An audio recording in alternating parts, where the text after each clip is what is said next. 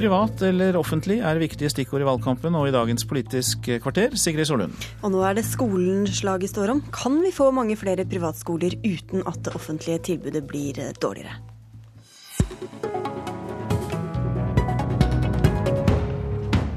Nei, mener du, nærings- og handelsminister Trond Giske fra Arbeiderpartiet. I Dagbladet har du advart mot massiv nedleggelse av den offentlige skolen hvis Høyre kommer til makten. Hva bygger du det på?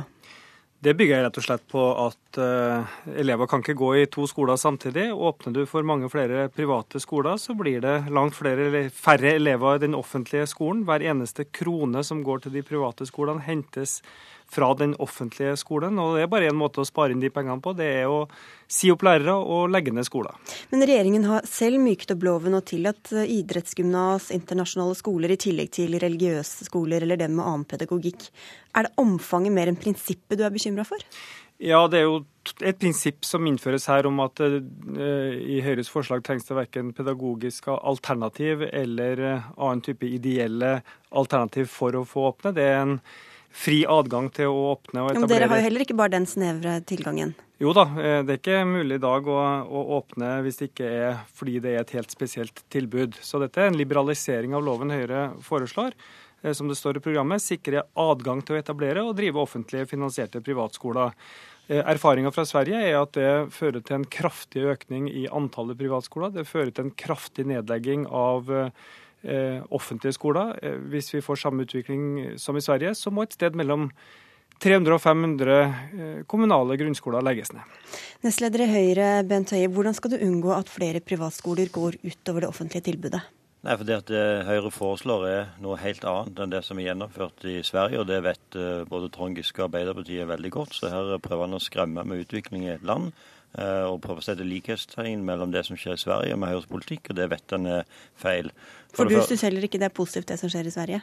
Nei da, det syns vi ikke. Og Høyre sin uh, hovedoppgave i skolepolitikken det er å gjøre den offentlige skolen så god at det er det de fleste foreldrene og elevene vil uh, ønske og velge.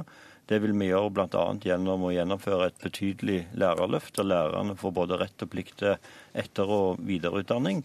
Eh, og det å sette kunnskap som eh, det viktigste i, i, skolen. Og Da er vi overbevist om at eh, får vi gjennomført Høyres skolepolitikk i den offentlige skolen, så vil det være de flestes førstevalg. Hva er poenget med privatskoler da? Vi ønsker å åpne opp for at en kan få lov til å etablere friskoler uten at nødvendigvis en har et religiøs tilknytning eller har en veldig alternativ pedagogikk. Har en et idealistisk utgangspunkt f.eks. For, for å etablere en skole som vektlegger realfagene veldig tydelig, eller en har en idé om at eh, vi vet hvordan vi skal få rørleggerfaget virkelig fram og etablere en friskole med, med rørleggerutdanning, så skal en slippe å etablere en kristen rørleggerutdanning for å få lov til å etablere den skolen. Men, Men er idealisme et krav da, til ja, å starte idealisme idealisme blir et krav både for de som vil benytte seg av skolen, altså de foreldrene og elevene som ønsker den, og de som skal etablere den. Fordi Høyre sier at vi skal ikke som i Sverige ha 100% offentlig finansiering av den private skolen. Det skal være fortsatt sånn at de som velger et privat alternativ, må bidra eh, noe sjøl.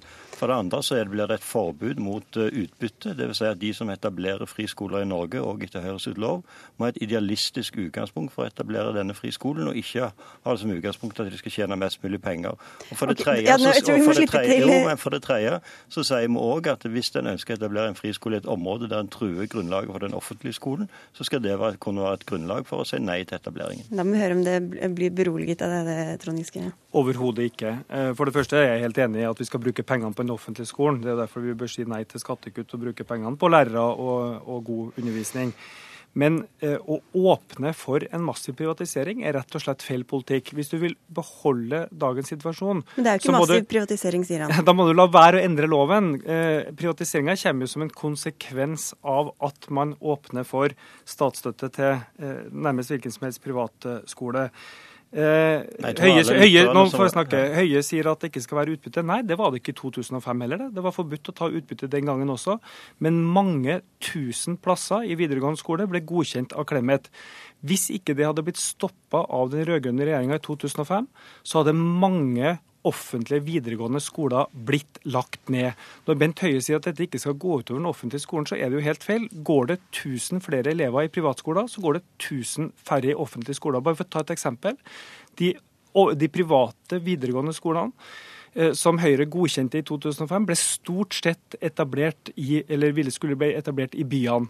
Fylkene hadde kommet til å måtte lagt ned mange videregående skoler, sårbare skoler, gjerne i distriktene. Det betyr at hvis 100 elever i en distriktskommune valgte å gå på den videregående skolen som ble privatstarta i byen, så hadde kanskje de 300-400 andre måtte fulgt etter fordi skolen ble lagt ned. Valgfrihet for noen blir en tvang for mange.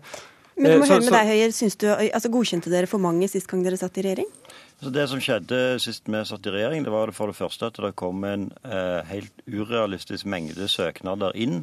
Fordi at eh, mange av de som ønsket å etablere friskoler, så at det gikk mot et regjeringsskifte. Mange av de ønsket å søke før regjeringsskiftet. Derfor kom det inn søknader fra et elevgrunnlag som det absolutt aldri hadde blitt, verken om det ble regjeringsskifte eller ei, etablert i skolene. For det andre så hadde vi en lov som var annerledes den gangen. Så dere gikk for langt den gangen? Nei, dere, men dere ville ja, ha en snevrere lov denne gangen? Vi vil ha en snevrere, bl.a. på bakgrunn av den erfaringen Eh, så ønsker vi å ha en lov nå som er tydeligere på å kunne si nei til etableringer av friskoler hvis det truer grunnlaget for den offentlige skolen. Men Hvordan skal dere definere det, hva som truer grunnlaget for den offentlige skolen? Ja, Det er f.eks. i et område der en har eh, en eh, videregående skole Eh, i et distrikt, eh, og noen ønsker å etablere en, en, eh, videregående fri skole der, som gjør at den videregående skolen vil måtte, den offentlige skolen må, må legges ned, for det er ikke elevgrunnlag for den, ja, da kan det være et grunnlag for å, for å si nei. Så er det ikke sånn at fritt skolevalg, som Trond Giske beskriver her, er en trussel for skoler i distriktene. Jeg kommer fra et fylke som er et av de få fylkene som faktisk har fritt skolevalg og har distrikter. Fritt skolevalg i Rogaland har vært et grunnlag for å opprettholde eh, videregående skoler i distriktene. Fordi de har kunnet reindyrke en profil som har gjort faktisk at elevstrømmen har gått andre veien. Fra byene og ut til distriktene, f.eks. til Sauda, som aldri hadde hatt en videregående skole hvis vi ikke hadde hatt fritt skolevalg. Trond Giske, hva er den prinsipielle årsaken til å tillate et idrettsgymnas, som dere vil, men ikke et uh, gymnas for dem som er best i matematikk, f.eks., som Høie vil? Fordi det fyller et spesifikt uh, behov for en spesialkompetanse som men skjer Men gjør ikke matematikk det samme som idrett, da? Jo, men det, nei, det, jeg mener at alle videregående skoler skal ha et godt matematikktilbud. Eh, eh, vi trenger ikke eh, alle videregående skoler som spesialistskoler. men hva er forskjellen på idrett og matematikk? Jeg tror matematikk inngår i ganske mange flere fagutdanninger enn idrett gjør. Rørleggergymnas, da, som han nevnte? Nei, tvert imot så er det jo disse mindre fagene som kommer til å bli sårbare når du oppretter de store private skolene. Og bare for å ta en annen ting... Men du svarer ikke på hva som er den prinsipielle forskjellen? Nei, den, den prinsipielle forskjellen er at hvis du åpner for en generell privatisering av skolen, som Høyre foreslår. Og bare for å si det, også i 2005 sto det i loven at hvis det medførte vesentlig negative følger for vertskommunen, så skulle man si nei. Likevel, så bare for å si, bare for å si det, Hordaland, Akershus, Hedmark, Oppland, Østfold, Vestfold, Telemark, Aust-Agder, Vest-Agder, Møre og Romsdal, Sør-Trøndelag og Troms fylke sa nei til disse skolene. Likevel sa Høyre og Clemet ja. Og ok, Men da er det omfanget og ikke prinsippet du er bekymret for? Selvfølgelig. Det kommer til å føre til mer sortering, det kommer til å føre til større forskjeller, og det kommer til å føre til en utrygghet. I Sverige så vi hvordan tusenvis av skoler gikk konkurs. Elevene ble stående uten skoleplass. Dette dette kan være konsekvensen av en stor privatisering. og Derfor bør vi la være å endre loven. Det er måten å mm. hindre storstilt privatisering på. Hvordan skal dere unngå Bent Høie, at det samme skjer i Norge som har skjedd i Sverige? At elever blir stående uten tilbud, og kommunene blir, må plutselig ta over eh, tilbudet til elevene når de private finner ut at det ikke er lønnsomt å drive lenger? Nei, Det er rett og slett gjennom å hindre at det blir for det omfanget som det gjør i Sverige. og Det vil vi gjøre på tre områder. For det første at de som velger dette alternativet, må bidra noe selv gjennom en egenandel, gjennom en egen innsats. Gjennom et forbud mot utbytte, sånn at det ikke vil være de kommersielle aktørene som vil finne dette interessant. Det skal være et idealistisk eh, drivkraft bak det. Og for det tredje at vi skal ha en annen lov som er tydeligere enn den loven som var i 2005 Eh, på dette med at en ikke skal kunne undergrave grunnlaget for den offentlige skolen. F.eks. skal ordet 'vesentlig' ut av eh, en, en ny lov som, som, som, Høyre vil fremme hvis vi kommer i regjering. Og Dermed så faller hele skremmebildet til Trond Giske i knus. Eh, dette er en, en retorikk som en vil bruke, men en vil ikke faktisk forholde seg til det som Høyre sier skal være vår, vår politikk på området. Vår hovedpolitikk er å styrke den offentlige ja, skolen. Men jeg vil bare spørre deg, hvordan skal dere definere hva som er idealisme når noen går inn for å starte en skole? Altså, idealisme vil ligge i at det er et forbud mot utbytte. og Dermed så vil en ikke kunne ha som motiv å tjene penger fordi at en skal etablere en skole. og Det er jo det vi definerer som idealisme. Da må det være at en har en veldig sterk tro på at en kan etablere en skole som er bedre. og Derfor er det et stort paradoks at hvis en f.eks. sier at realfagene er noe som en brenner for, en har lyst til å etablere en skole som virkelig vektlegger realfagene, så får en ikke lov til det.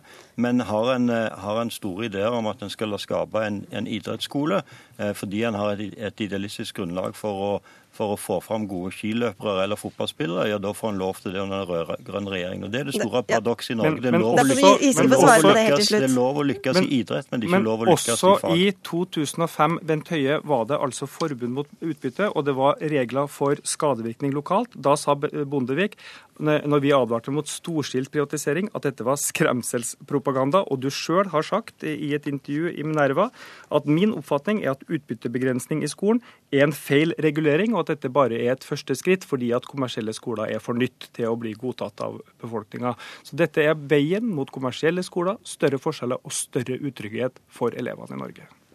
Jeg er nødt til å takke dere, Trond Giske. Jeg tipper du har en innvending, Bent Høie. Giske, takk for at du var med fra studio i Trondheim, og Bent Høie fra Stavanger. Kanskje ikke helt tilfeldig ettersom valget nærmer seg. Høyre, Høie overlater mikrofonen sin til vår neste gjest.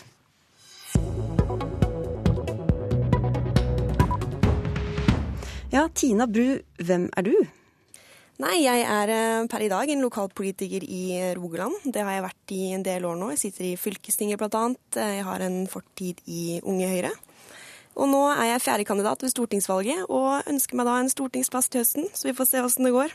Ja, Høyre har plukket deg ut som et av talentene de ville fremheve i Politisk kvarters sommerserie, og vi skal høre hva det er ved deg som Erna Solberg har bitt seg merke i. Tine er en av de dyktigste unge jentene i Høyre. Vi har ganske mange dyktige unge jenter. Men Tina har også fått lov å vise det fordi hun har vært vararepresentant til Stortinget i denne perioden. Hun har møtt noen ganger og eh, har fått lære litt om hvordan eh, Stortinget er. Hun har vært lokalpolitiker i rogalandspolitikken, men vært en veldig aktiv eh, ungdomspolitiker og ungdomsdebattant. Og har vært veldig opptatt av utdanning, skole, og kommer til å sette sitt preg på den typen debatt. Ja, Tina Bru, hvordan var det å høre dette fra kanskje Norges kommende statsminister?